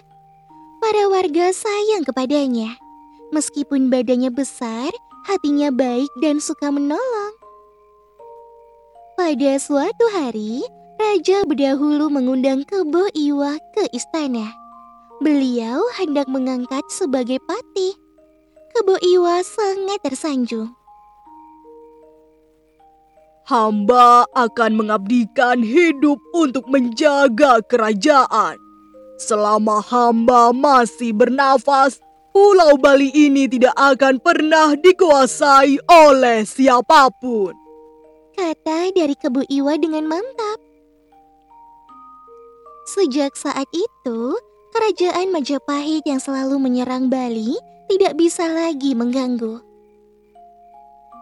Sedangkan di Pulau Jawa, patih kerajaan Majapahit yang bernama Gajah Mada memang bertekad untuk menyatukan Nusantara. Ia bahkan bersumpah untuk tidak menikmati kenikmatan duniawi jika tekadnya itu belum tercapai. Sumpah itu kita kenal sebagai Sumpah Palapa. Pati Gajah Mada mulai kebingungan semua serangannya ke Bali gagal total. Ia berusaha keras untuk mencari cara agar menguasai pulau Bali itu. Akhirnya, ia mendatangi raja berdahulu. Kami dari kerajaan Majapahit tidak lagi menyerang pulau Bali. Kami ingin bersahabat saja dengan rakyat Bali. Katanya, Raja Bedahulu dan Patih Kebo Iwa percaya pada ucapan Patih Gajah Mada. Setelah mereka mengadakan perdamaian, Patih Gajah Mada pun diundang pada jamuan makan siang. Baginda Raja, hamba ingin mengundang Patih Kebo Iwa ke daerah Majapahit. Tentu saja Raja akan mengizinkan, bukan? Tanya dari Patih Gajah Mada. Raja Bedahulu dan Kebo Iwa akhirnya berembuk. Tidak ada salahnya untuk membalas kunjungan Pati Gajah Mada. Mereka akhirnya setuju. Kebo Iwa akan berkunjung ke Majapahit. Setibanya di Majapahit, Kebo Iwa disambut dengan sangat meriah.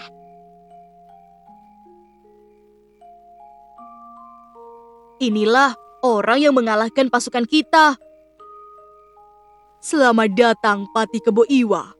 Kami amat tersanjung atas kehadiranmu. Sambut dari Pati Gajah Mada, Kebo Iwa lalu dijamu makan siang. Seperti biasa, Kebo Iwa makan sangat banyak sekali. Patih Kebo Iwa, sepertinya hubungan kita sudah lebih membaik. Bukan begitu, Patih? Tanya dari Pati Gajah Mada.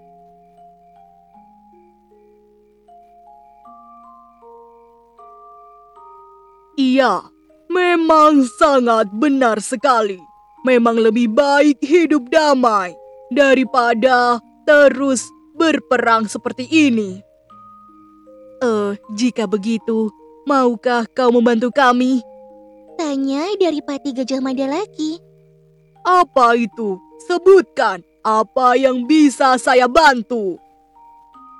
Saat ini, kerajaan kami sedang kekurangan air Maukah kau menggali sumur raksasa untuk kami?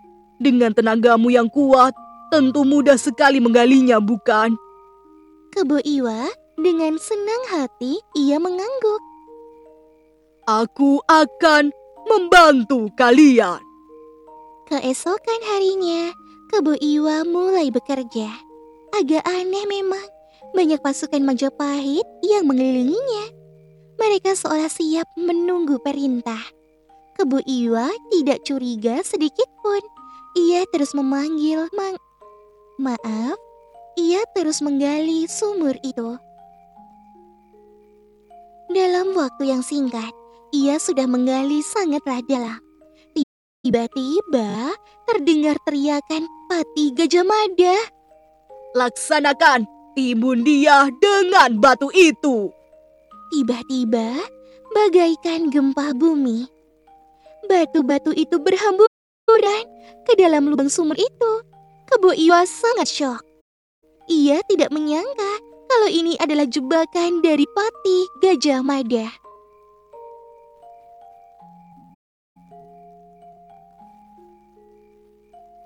Dengan segenap tenaga, Kebo Iwa melemparkan balik batu-batu itu ke atas. Batu-batu itu mengenai para prajurit Majapahit. Kebo Iwa melesat keluar. Rupanya kau telah menjebakku, Pati Gajah Mada. Ketahuilah, aku telah bersumpah selama aku masih hidup, Bali tidak akan bisa ditaklukkan oleh siapa pun. Teriaknya dengan sangat marah. Kebo Iwa terlihat, maaf, Kebo Iwa terlibat pertarungan sengit melawan Pati Gajah Mada. Menyerahlah Pati Kebo Iwa. Niat kami hanya ingin mempersatukan Nusantara. Teriak dari Pati Gajah Mada. Kebo Iwa tidak memperdulikannya. Ia terus menyerang dan menyerang. Ketika keduanya mulai kelelahan, Pati Gajah Mada berkata, Sia-sia jika kita melanjutkan pertempuran ini, suka atau tidak, suatu saat nanti Bali akan aku kuasai. Niat kami mulia, bukan untuk menjajah atau menyengsarakan rakyat Bali. Kebo Iwa mulai bimbang. Melihat Pati Gajah Mada yang sangat gigih, ia sangat yakin memang suatu saat Bali akan kalah. Setelah diam beberapa saat, Kebo Iwa berkata, Aku tahu tujuanmu, tapi aku tidak mungkin menyerah. Aku tidak mau mengkhianati negara dan rajaku. Aku telah bersumpah untuk menjaga Bali seumur hidupku. Jika begitu, aku harus membunuhmu. Kau tidak akan mungkin bisa membunuhku. Aku memiliki kesaktian yang amat sangat, kecuali satu hal. Jika kau bisa menghancurkan gunung kapur dan mengoleskannya di kepalaku, maka kesaktianku akan hilang. Jawab dari Kebo Iwa. Pati Gajah Mada sangat terkejut. Mengapa ia membuka rahasianya sendiri? Tanyanya di dalam hatinya. Pati Gajah Mada segera melesat menuju ke Gunung Kapur. Ia menghancurkan Gunung Kapur dan membawa segenggam serbu kapur. Sekali lagi mereka terlibat pertempuran yang sangat sengit. Pati Gajah Mada berusaha untuk mengoleskan serbu kapur itu ke kepala Kebo Iwa.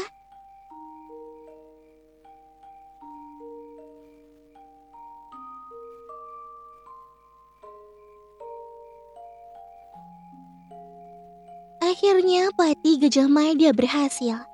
Kebo Iwa langsung sangat lemas, seolah-olah dia tidak bertenaga. Kau menang, Pati. Bunuhlah aku, supaya kau bisa menguasai daerah Bali ini. Kata dari Kebo Iwa.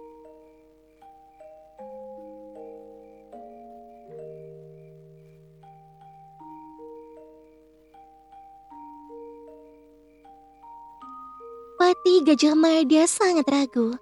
Ia tidak mungkin membunuh orang yang sudah tidak berdaya. Tapi Kebu Iwa terus mendesak. Ingatlah cita-citamu. Kematianku akan membawa kebaikan bagi kita semua. Dengan terpaksa, Pati Gajah Mada menancapkan kerisnya ke tubuh Kebu Iwa. Ia sangat kagum akan jiwa kesatria dari Kebu Iwa yang rela berkorban demi tujuan yang sangat mulia. Akhirnya, Kebu Iwa menghembuskan nafas terakhirnya. Sebelum meninggal, ia sempat berucap, Semoga dengan kematianku, Nusantara dapat bersatu. Tidak ada lagi peperangan dan pepecahan. Pati Gajah Mada menjawab, Aku berjanji, aku akan mewujudkan persatuan Nusantara. Yakinlah, kematianmu tidak akan sia-sia. Akhirnya, Bali kehilangan putra terbaiknya. Kerajaan Majapahit menaklukkan Bali dengan mudah. Namun sesuai janji dari Pati Gajah Mada kepada Kebo Iwa, Niatnya untuk menaklukkan Bali memang murni untuk menyatukan Nusantara, bukan untuk menjajah atau menyengsarakan rakyat Bali. Dan selesai. Halo semuanya yang baru bergabung, selamat datang di dunia Fairy Tale. Dongeng teman memajam untuk kalian semua. Semoga dongeng dari Airin bisa menemani istirahat kalian. Oke teman-teman, berarti hari ini Airin sudah uh, menemani siaran kalian dari jam 9 malam sampai uh, jam berapa nih nanti? Sekitar jam setengah dua ya? Sampai jam setengah dua. Dan untuk dan untuk uh, cerita dari 34 provinsi sudah selesai dari satu jam pertama tadi teman-teman ya. Sekali lagi uh, Airin ucapkan terima kasih sebanyak-banyaknya untuk kalian yang sudah mensupport siaran Airin terus sudah mendukung gebrakan Airin untuk live 3 hari tentang dongeng 34 provinsi dan sudah selesai. Karafli, barakallah. Ayo teman-teman yang belum ber, uh, yang belum tap love luangkan waktunya satu menit untuk tap love terlebih dahulu ya. Jika di bawah kanan kalian sudah ada love berwarna merah jangan lupa ditebarkan teman-teman karena itu adalah bentuk apresiasi dari kalian. Airin live setiap harinya itu jam 12 malam. Untuk relive sepertinya untuk beberapa minggu ini Airin nggak bisa relive dulu atau mungkin bisa saja untuk bulan ini Eh, bisa mungkin saja untuk bulan ini Airin nggak bisa relive untuk cerpen soalnya uh, Airin juga mengisi konten di beberapa uh, itu apa tuh namanya uh, room. Jadi uh, setiap hari Senin, Rabu, dan Sabtu itu Airin ngisi konten di rumah kedua. Setiap hari Selasa dan Jumat Airin ngisi konten di Seven to Seven Radio jam 9 malam. Jadinya Airin gak bisa live habis dongeng. Alhamdulillah ini suara asli Airin. Kalau seumpama ini bukan suara asli Airin, gak mungkin Airin ngomong seperti ini selama dua jam. Dan memang ada ya, orang yang suaranya dibuat-buat tetap konsisten, suaranya seperti ini, sampai 4 jam, tidak berubah. Suara asli yang gimana lagi kak? Hmm. Waalaikumsalam warahmatullahi wabarakatuh. Terima kasih Kak Raihan. Dedek Peret istirahat ya. Hmm. Oke, Airin mau combo dulu ya seperti biasa.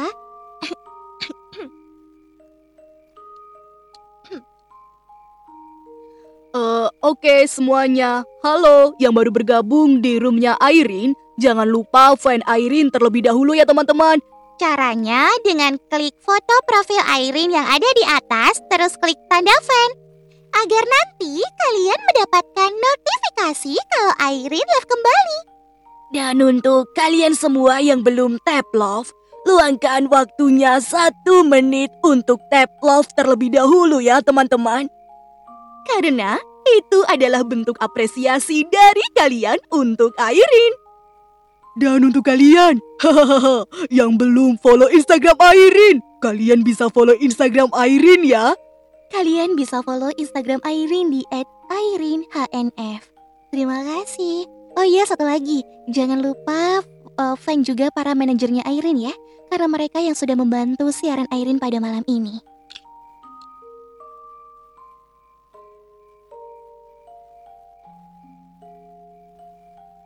Eh Airin, Airin belum itu loh.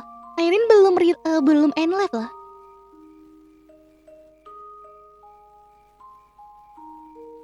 Sudah babai-babai gitu kan? Dari tadi dongeng bibir nggak kering kak. Alhamdulillah enggak. Soalnya gini kak Daniel, kalau kita tahu tekniknya, kita tahu tekniknya untuk membaca cerita tanpa haus, iya. itu bisa kak. Airin uh, kalian boleh percaya boleh enggak ya Airin kalau live dongeng itu selama 4 jam itu Airin minum cuma dua kali Coba suara anak kecil Tadi sudah suara anak kecil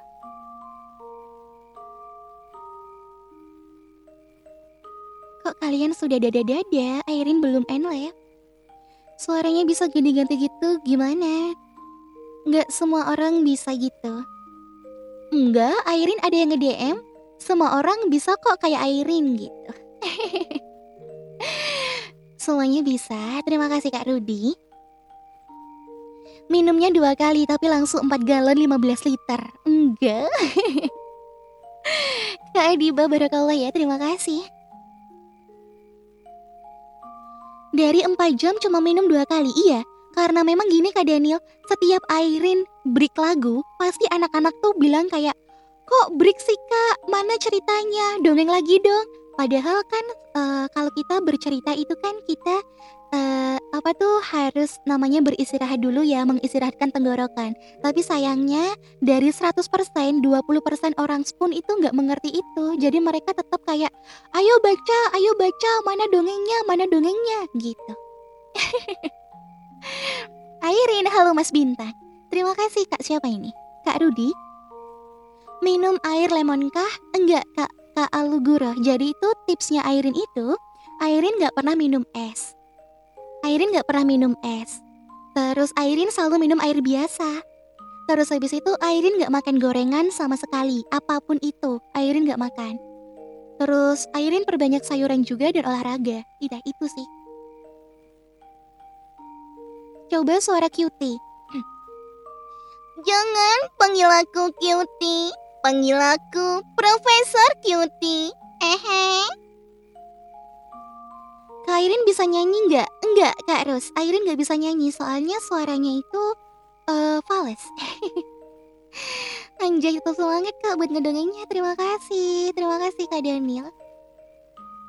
Kak Airin mut, mut, bukan bukan multi talenta, multimedia Airin mah. Aduh Kak Yum Yum, barakallah. Eh tapi sebenarnya jangan jangan tap love Kak Yum Yum. Kalau kalau tap love itu teman-teman ya nggak masuk ke kotak hadiah, nggak bisa di cash outin. ke Airin request. Terima kasih Kak Rudi. Teman-teman yuk Yuk go go go go. Ayo yang mau uh, tap love, ayo jangan lupa tap love dulu ya. Ayo kalau di bawah kanan kalian sudah ada love yang berwarna merah, jangan lupa ditebarkan teman-teman. Karena itu adalah bentuk apresiasi dari kalian untuk Airin. Ayo yang belum tap love dipencet dulu ya. Bantu Airin menjadi 450 tap love. Oke teman-teman durasinya tinggal satu menit lagi nih. Besok kita ketemu lagi ya. Yang belum fan jangan lupa di fan dulu ya Biar besok dapat notifikasi dari Airin. Kita dengarkan satu lagu nasionalisme untuk penutupan kita hari ini.